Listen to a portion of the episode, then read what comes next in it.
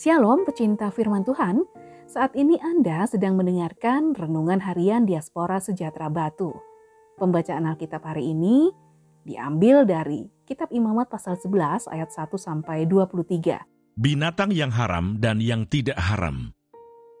Lalu Tuhan berfirman kepada Musa dan Harun, katanya kepada mereka, Katakanlah kepada orang Israel begini, Inilah binatang-binatang yang boleh kamu makan dari segala binatang berkaki empat yang ada di atas bumi.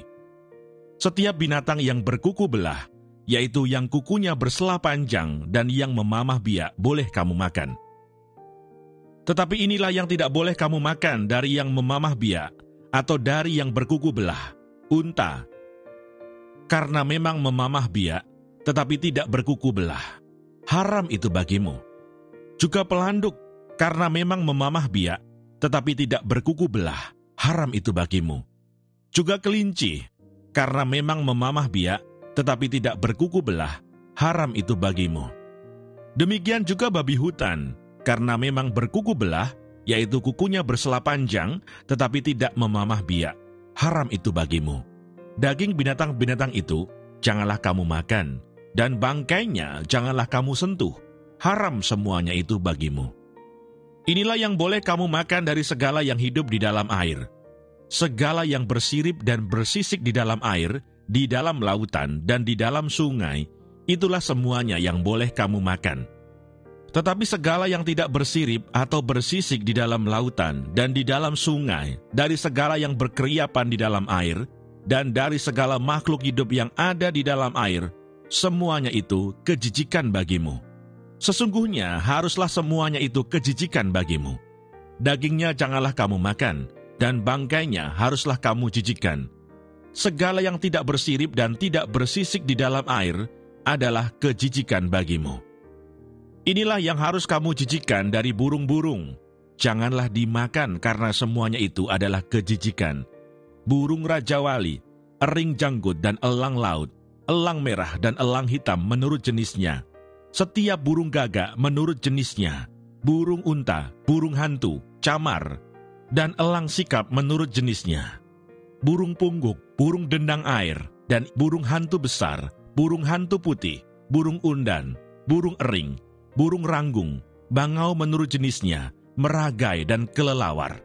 Segala binatang yang merayap dan bersayap dan berjalan dengan keempat kakinya adalah kejijikan bagimu tetapi inilah yang boleh kamu makan dari segala binatang yang merayap dan bersayap, dan yang berjalan dengan keempat kakinya, yaitu yang mempunyai paha di sebelah atas kakinya, untuk melompat di atas tanah.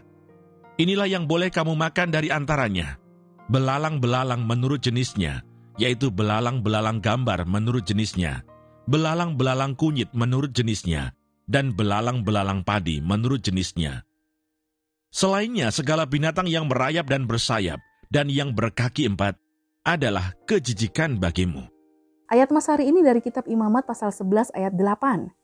Daging binatang-binatang itu janganlah kamu makan dan bangkainya janganlah kamu sentuh. Haram semuanya itu bagimu. Imamat 11 ayat 8. Renungan hari ini berjudul Batasan yang Jelas. Hukum yang Allah berikan kepada bangsa Israel merupakan kebaikan bagi mereka – Hukum-hukum tersebut merupakan sarana yang Allah pakai untuk membangun peradaban yang baru yaitu suatu bangsa yang hidup dengan standar kekudusan Allah. Melalui hukum-hukum tersebut, Allah hendak mematikan kebudayaan-kebudayaan Mesir yang sudah dilakukan bangsa Israel selama ratusan tahun dan itu seolah sudah mendarah daging dalam diri mereka.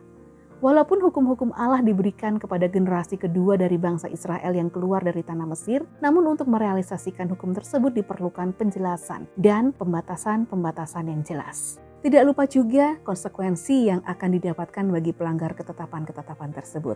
Dalam hal ini melalui Musa, Allah memberikan hukum-hukum mengenai makanan yang boleh dimakan ataupun yang tidak boleh dimakan.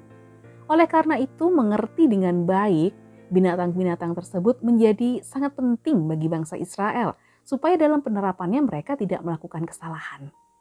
Prinsip batasan-batasan yang Allah berikan semata-mata bertujuan untuk menjadikan bangsa Israel sebagai bangsa yang kudus dan hanya dengan melakukan hukum-hukum Allah saja maka mereka akan menjadi bangsa yang berakhlak seperti yang Allah kehendaki. Bagi kehidupan kekristenan saat ini, memakan binatang yang haram dalam Taurat bukanlah hukum yang wajib. Hal ini dikarenakan Taurat yang sempurna sudah datang dalam diri Yesus. Namun prinsip larangan memakan binatang haram yaitu untuk menjaga kekudusan hidup tetap berlaku sampai kapan pun.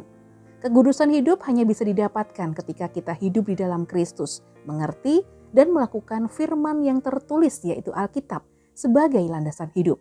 Dengan demikian, kita akan mengerti batasan-batasan hidup yang berkenan di hadapan Allah.